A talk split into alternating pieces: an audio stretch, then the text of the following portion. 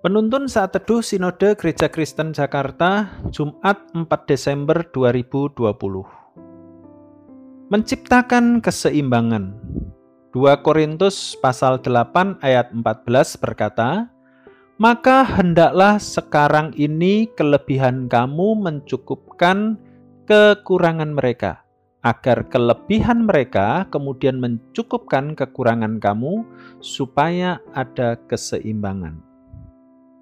Gambaran orang tentang pelayanan dari suatu lembaga atau yayasan kemanusiaan, baik yang berskala nasional maupun internasional, hampir selalu positif karena mendatangkan kebaikan dan pertolongan bagi orang yang dilayani. Pelayanan tersebut selalu dibutuhkan oleh bangsa yang mengalami kesulitan karena kelaparan, kekeringan, bencana alam, peperangan, dan sebagainya. Pelayanan yang didasarkan belas kasihan bisa bersifat internal, misalnya untuk kalangan gereja. Bisa juga bersifat eksternal, misalnya masyarakat luas. Di Indonesia ada Yayasan Lima Roti Dua Ikan, Yayasan Terang dan Garam yang menjangkau masyarakat Indonesia dan sebagainya. Sama halnya dengan pelayanan kasih yang dilakukan jemaat. Dalam pelayanan yang berbasis belas kasihan ini ingin menciptakan keseimbangan Rasul Paulus menasihati jemaat Korintus untuk melakukan pelayanan yang berbasis belas kasihan sehingga tercipta keseimbangan. Setidaknya dua kali Rasul Paulus menyebutkan kata keseimbangan ayat 13 dan ayat 14. Kata ini dalam terjemahan Yunani adalah isotetos dari kata dasar isotes yang berarti kesamaan, keserupaan, sesuai dengan proporsi, sebanding berimbang. Dengan demikian, makna dari keseimbangan yang disampaikan Rasul Paulus kepada jemaat Korintus adalah terjadinya situasi yang sesuai dengan proporsi.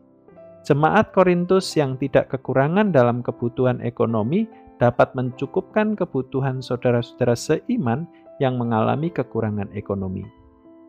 Demikian juga kelebihan dari jemaat yang kekurangan ekonomi itu dapat melengkapi kekurangan jemaat Korintus di bagian yang lain. Artinya, kedua belah pihak sama-sama kekurangan.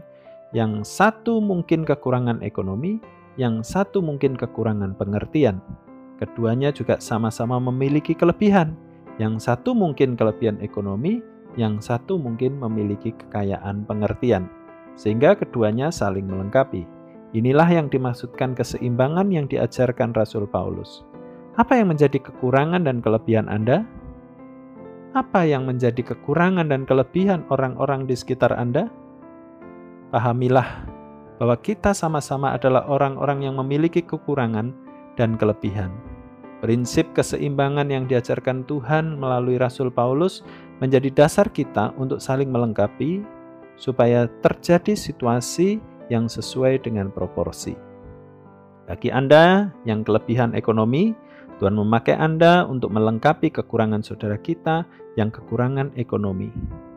Bagi Anda yang memiliki kekayaan pengertian, Tuhan memakai Anda untuk melengkapi kekurangan saudara kita yang kekurangan pengertian.